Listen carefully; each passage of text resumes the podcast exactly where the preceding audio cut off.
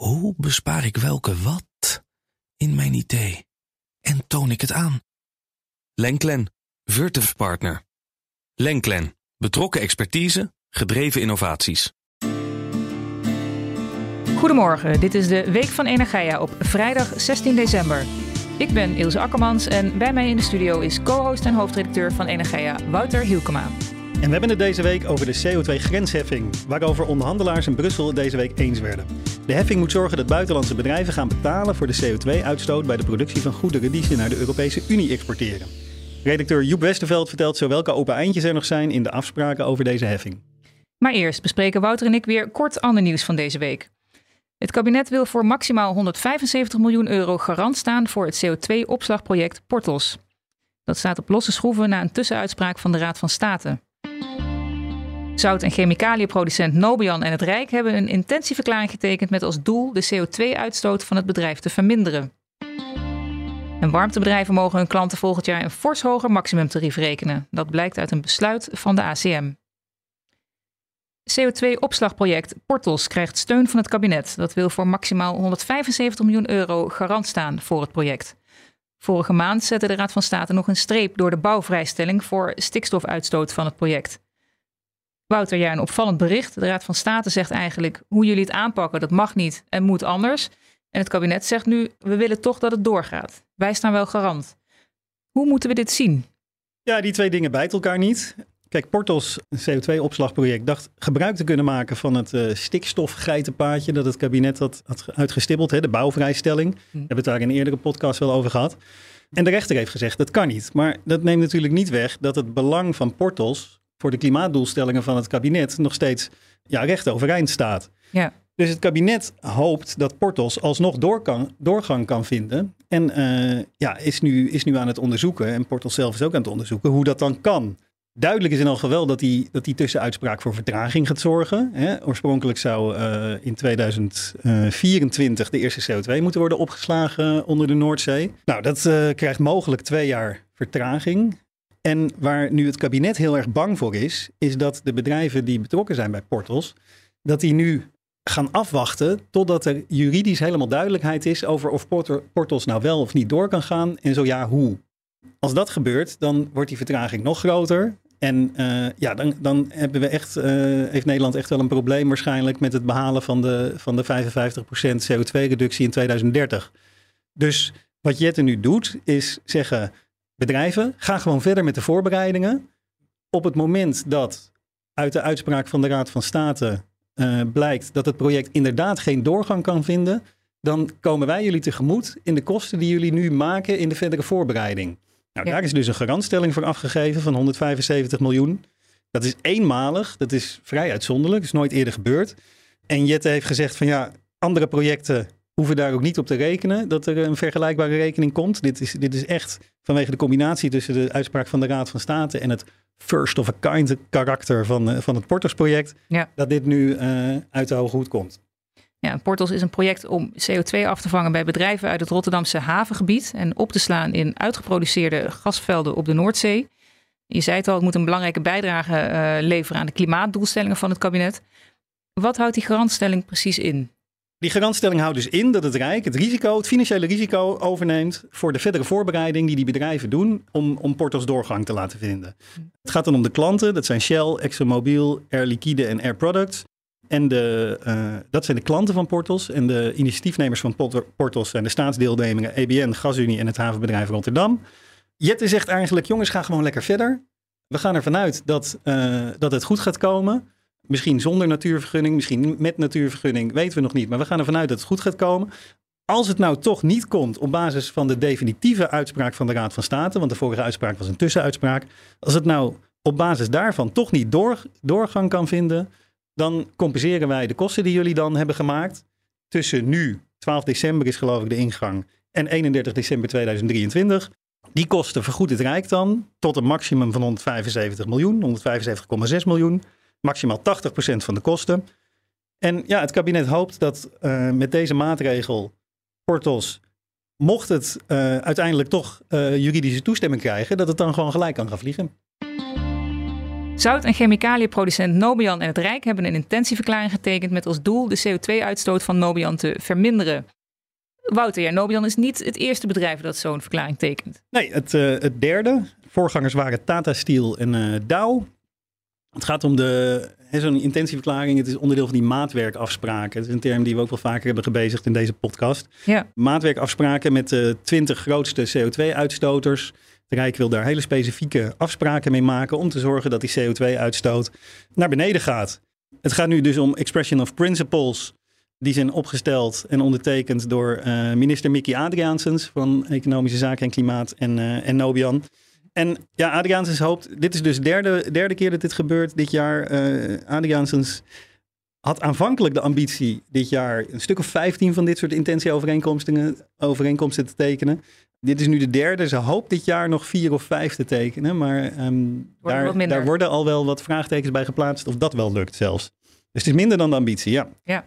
En wat betekent de afspraak praktisch voor Nobian? Nou, Nobian wil graag ondersteuning voor nieuwe technieken, financiële ondersteuning om de transitie versneld door te voeren en versnelde vergunningverlening. Dat uh, zeiden ze al bij een uh, interview bij, in Enegaia in dit voorjaar. Dat is wat zij uit deze afspraken naar voren willen halen. En met name dat laatste is wel echt belangrijk, dat, uh, dat die vergunningverlening, dat, dat, dat daar snelheid in komt. Want dat is iets wat de hele transitie een beetje vertraagt. Deze punten komen ook naar voren in de, in de intentieovereenkomst die is getekend. Belangrijk onderdeel bijvoorbeeld is de elektrificatie van de zout- en stoomproductie. Niet stroomproductie, maar stoomproductie van Nobian in Delfzijl en Hengelo. Dat gebeurt nu met gas. Uh, dat moet gaan gebeuren met industriële warmtepompen. Verder zijn er een aantal elektrolyse-installaties van Nobian in Rotterdam. Die gebruiken ze bij de chloorproductie. Dat zijn dus niet de groene stroom uh, elektrolyse, waar we het in, in, het in relatie tot waterstof vaak over hebben. Ja, dit maakt wel waterstof, maar het, dit zijn industriële elektrolyse-installaties die al heel lang bestaan. Ja. Die zullen gemoderniseerd moeten worden. Die zijn nog niet helemaal afgeschreven, maar dan moeten al wel nieuwe komen. Nou, dat, dat zijn financiële. Uh, daar zitten financiële consequenties aan, waarbij Nobian zegt van, nou ja, daar, daar hebben wij dan wel wat hulp bij nodig. Want die installaties die, die drukken het stroomverbruik met 135 gigawattuur per jaar. Nou, dat is, dat is best fors. Mm. Um, en vermindert uiteraard de CO2-uitstoot. Nou ja, Nobian zegt wij, wij kunnen alleen dit soort dingen gaan doen als daar voldoende zekerheden tegenover staan. Nou, die zekerheden moet de overheid aan geven. Het maximumtarief dat warmtebedrijven hun klanten mogen rekenen stijgt volgend jaar flink, blijkt uit een besluit van toezichthouder Autoriteit Consument en Markt. De ACM stelt de maximumtarieven die warmtebedrijven mogen rekenen jaarlijks vast. Die tarieven zijn gekoppeld aan de gasprijs. Wouter, ja, die gasprijs is natuurlijk enorm gestegen. Waarom zijn de warmtetarieven eigenlijk gekoppeld aan de prijs van gas? Ja, dat staat in de wet geregeld, vanaf het begin af aan eigenlijk. Uh, de warmtewet, daarin hebben de opstellers van die wet die hebben geregeld dat mensen die op een warmtenet zijn aangesloten, die mogen nooit meer kwijt zijn dan wanneer ze hun huis met gas zouden verwarmen. De opstellers van de wet vonden dat mensen beschermd moesten worden tegen de monopolistische warmtebedrijven. En met dit niet, niet meer dan anders principe zou die bescherming geregeld moeten zijn. Nou, inmiddels is men erachter dat dat een hele complexe manier is om, uh, om mensen te beschermen. Het is heel moeilijk om uit te rekenen voor een huis dat, dat nu aan een warmtenet gekoppeld zit, om uit te rekenen wat die kwijt zou zijn aan, aan gas. Nou, dat wordt natuurlijk in zijn algemeenheid berekend, maar dat, dat compliceert een wet nodeloos. En bovendien, zegt men onleiter van de ACM, ondermijnt dat een beetje het vertrouwen in warmtenetten. Omdat mensen zien nu die gasprijs hard omhoog gaan. En denken van ja, waarom gaat mijn warmtetarief dan ook omhoog? Nou, omdat we in de warmtetransitie nog heel veel warmtenetten uh, aangesloten moeten zien worden. Ja, kan dat contraproductief werken als mensen het vertrouwen verliezen in warmtenetten. Dus daarom wil men dat er tegen opgetreden wordt. Nou, in de nieuwe warmtewet gaat die koppeling met de gasprijs er ook af. Ja, die warmtewet hebben we het eerder over gehad in podcast. Die is er nog niet, dus daar moet op gewacht worden. Ja. En voor deze maximumtarieven heeft de ACM zich dus wel gebaseerd op de gasprijs. Vanwege de complexe omstandigheden waar de energiemarkt nu in zit, wel weer op een andere manier dan eigenlijk had gemoeten. Maar daar hoeven we hier niet verder op in te gaan. Door die koppeling met de gasprijs blijken de maximum warmtetarieven nu met 68,5% te stijgen ten opzichte van die van vorig jaar. Ja, en betekent dat ook dat mensen meer gaan betalen? Ja, wel iets, maar niet die 68%. Dat geldt echt voor het maximumtarief. Maar de meeste, de meeste warmtebedrijven, in elk geval de grote vijf die wij rekenen, die rekenen helemaal niet het maximumtarief. Uh, dat mag ook niet zomaar. ACM roept warmtebedrijven ook op van ja, ga nou niet zomaar je warmtetarieven omhoog gooien, alleen maar omdat het maximumtarief omhoog is gegaan. Je bent als warmtebedrijf nog altijd eraan gehouden dat je een redelijk tarief moet rekenen. Dat doen ze over het algemeen ook. Althans, of het redelijk is, weet ik niet. Maar in elk geval zitten ze onder het maximumtarief. En dat betekent dus dat de tarieven die mensen die warmteklanten volgend jaar moeten gaan betalen, daar ruim onder zitten. Daar komt nog bij dat uh, ook voor warmteklanten het prijsplafond is, uh, is ingevoerd. Dat ligt op 37 gigajoule. Volgens de ACM gaat dat om ongeveer 70 tot 80 procent van de, van de huishoudens blijven onder die grens. En die betalen een tarief wat nu ongeveer op 50 procent, net iets meer dan 50 procent ligt dan het maximum. Dus het gaat wel iets omhoog voor die mensen. Dat, hè, dat, dat prijsplafond ligt wel iets boven het huidige tarief. Maar die enorme stijging van 68 procent, daar hoeven mensen niet bang voor te zijn. Onderhandelaars in Brussel werden het deze week eens over de CO2-grensheffing. Die moet zorgen dat buitenlandse bedrijven gaan betalen voor de CO2-uitstoot bij de productie van goederen die ze naar de Europese Unie exporteren. Over de open eindjes in de afspraken over deze heffing praten we vandaag met redacteur Joep Westerveld. Welkom Joep. Goedemorgen. Ja Joep, we hebben het dus over CBAM. Dat staat voor Carbon Border Adjustment Mechanism. Wat houdt dit plan precies in? Uh, ja, CBAM is bedacht eigenlijk als oplossing voor het probleem uh, um, dat bedrijven die onder het ETS-systeem vallen eigenlijk een concurrentienadeel hebben ten opzichte van bedrijven die buiten Europa uh, produceren. Want zij moeten natuurlijk gewoon die CO2-rechten kopen. Dat zijn echte kosten. En die kosten hebben bedrijven in China bijvoorbeeld niet. Daar is nu ook al een oplossing voor. Dat zijn namelijk de gratis rechten. Alleen ja, als je gratis rechten weggeeft, dan, dan neem je natuurlijk ook een beetje de prikkel weg om duurzaam te gaan uh, produceren. Dus daar is nu een ander uh, systeem voor bedacht. En dat gratis rechten aan de Europese bedrijven. Precies. Ja. ja. En daarvoor in de plaats komt nu CBAM.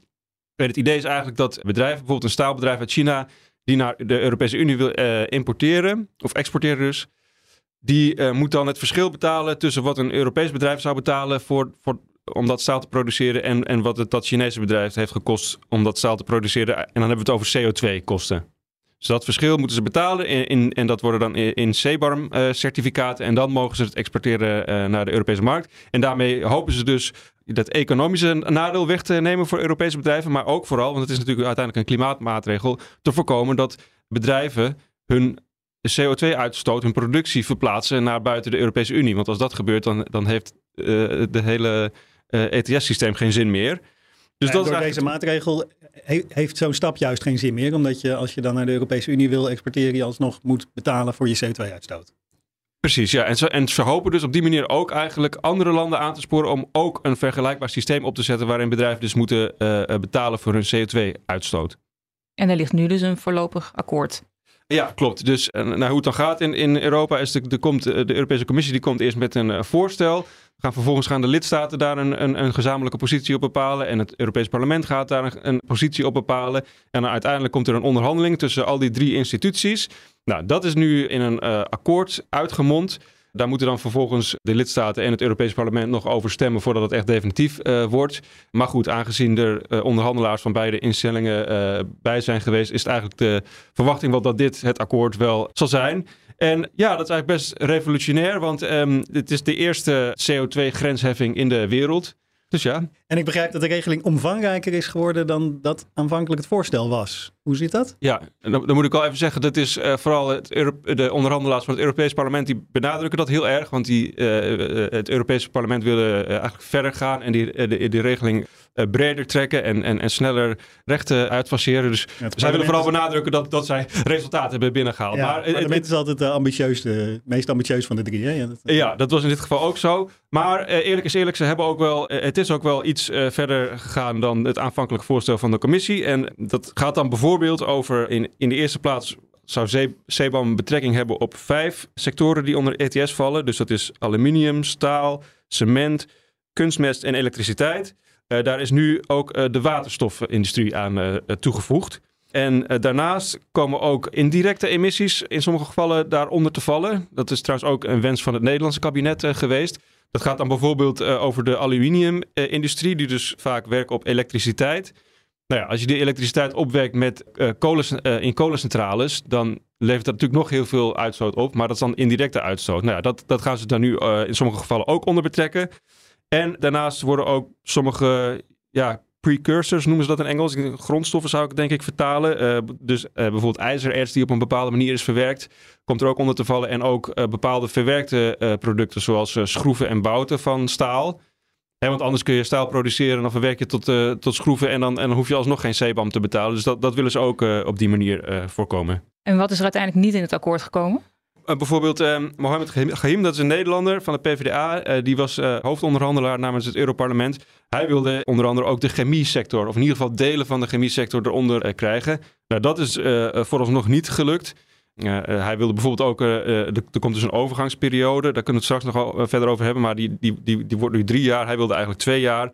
Hij wilde ook de, de gratis rechten heel snel uitfaceren. Nou, dat gaat waarschijnlijk ook niet gebeuren. Wat hij wel heeft, is een soort toezegging van de Europese Commissie dat ze dus voor 2027 eh, een assessment gaan doen. Waarin ze dus ook gaan vaststellen van oké, moeten we misschien toch meerdere sectoren onder dat CBAM brengen. Mhm. Ehm, maar goed, dus, dus dat wordt misschien later dan alsnog toegevoegd. Het doel van het Europese parlement is in ieder geval om in 2030 eigenlijk alle producten die nu onder het ETS vallen ook onder CBAM te hebben. Maar of dat gaat lukken is eh, nu nog een beetje de vraag. Ja, de zware industrie in de EU betaalt sinds ruim 15 jaar voor de uitstoot van broeikasgassen met rechten die het via het Europese emissiehandelssysteem ETS moet kopen. Over één onderdeel uh, zijn in het kader van CBAM dus nog geen afspraken gemaakt, namelijk het uitfaseren van gratis ETS-rechten. Waar gaat dat precies over? Dat zijn die gratis rechten waar ik het net over had. Hè, wat eigenlijk nu dus uh, het systeem is om uh, uh, concurrentienadeel te voorkomen. Hoe het werkt is, de, je hebt dus de Green Deal. De Europese Unie dat bestaat uit, uit, dat is opgedeeld in kleinere onderdelen. Nou ja, CBAM is één onderdeel daarvan. Je hebt bijvoorbeeld ook een onderdeel dat gaat over bosbouw en landgebruik. en, en hoe je dan door bossen uit te breiden CO2 kan opslaan. En één onderdeel is de hervorming van het ETS-systeem. En ze hebben gezegd, de, de uitfasering van die gratis rechten, dat is onderdeel van die onderhandelingen. Alleen de uitkomst van die onderhandelingen zijn ook heel erg belangrijk voor CBAM. Hm. Want hoe snel uh, de gratis rechten worden uitgefaseerd, betekent hoe snel CBAM wordt ingefaseerd. Dus het plan is nu, in 2023 gaat CBAM uh, in werking. Maar dat is dan eigenlijk in eerste instantie vooral een, een meldplicht zonder consequenties. Dat duurt drie jaar. In die drie jaar gaat de Europese Commissie dus ook um, uh, een heel systeem opzetten. Een IT-systeem. Er komt een emissieautoriteit. Want al die bedrijven van buiten de Europese Unie moeten gegevens aanleveren over hun uitstoot. Nou, dat moet ook allemaal gecontroleerd worden op een of andere manier. Dus dat moet allemaal in die drie jaar gebeuren. En dan vanaf 2026 dan, dan is het uh, voor het EGI. Dan moeten ze gaan uh, betalen. En vanaf dan wordt dus langzaam worden de gratis rechten uitgefaseerd en, de, en, en CBAM ingefaseerd. Want CBAM kan alleen geheven worden over dat deel waarover ook de industrie moet, de Europese industrie moet betalen. Dus als de Europese industrie heel veel gratis rechten krijgt, dan kunnen ze niet de Chinese industrie voor hetzelfde product wel laten betalen. Nou ja, uh, het voorstel van de commissie was om daar tien jaar de tijd voor te nemen. Het uitfaseren van de gratis rechten. De Europese, uh, het Europese parlement wil drie jaar sneller. Hm. Nou, de, dat zal dan uh, in die ETS-onderhandelingen moeten blijken wat er uiteindelijk uit gaat komen. Ja, dan noemde je CBAM net een klimaatmaatregel. Dat is het natuurlijk ook. Maar vanaf het begin is eigenlijk ook heel nadrukkelijk het idee geweest dat Europa daarmee zelf geld gaat ophalen, geld, een belasting heffen. Wat gebeurt er met dat, met dat geld? Waar, waar wil Europa dat voor gebruiken? Dat, ja, dat geld dat wordt opgehaald door de lidstaten, maar dat wordt inderdaad, het komt bij de Europese begroting, bij de eigen middelen. Nou, daar wordt onder andere de CBAM-autoriteit van betaald. Het Europees Parlement wil ook heel graag dat dit geld in wordt gezet voor het ondersteunen van uh, ontwikkelingslanden die getroffen worden door deze maatregel. want bedrijven in die landen moeten natuurlijk ook ineens uh, CBAM betalen. Nou, dat, dat, het is niet de bedoeling om de economische ontwikkeling van die landen te dwarsbomen. Dus dat, dat, dat, daar willen ze graag compensatie voor. Maar dat kan dan weer niet één op één worden ingezet. Want het geld vloeit terug in de begroting. En dan vervolgens moeten ze opnieuw bepalen waar het dan uitgegeven wordt. Dus er is nu een soort ja, het doel is om, om, om daar geld voor vrij te maken, maar het kan niet één op één. En verder moet het ook uh, gebruikt worden ter financiering van verduurzaming in Europa. Dat is eigenlijk uh, wat ze daarmee willen. Ja, en in principe kunnen we dus komend weekend nu een akkoord verwachten. Ja, dus die uh, onderhandelingen over het ETS-hervormingen die beginnen vrijdag, vandaag dus.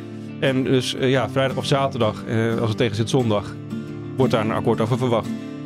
Dankjewel, Joep Westerveld. Dit was de Week van Energia met de laatste ontwikkelingen in de Nederlandse energiesector. Op energia.nl lees je meer. Wij zijn benieuwd wat je van deze podcast vindt. Laat het ons weten via podcast.energia.nl. Fijn dat je luisterde. We wensen je een fijne dag en tot volgende week.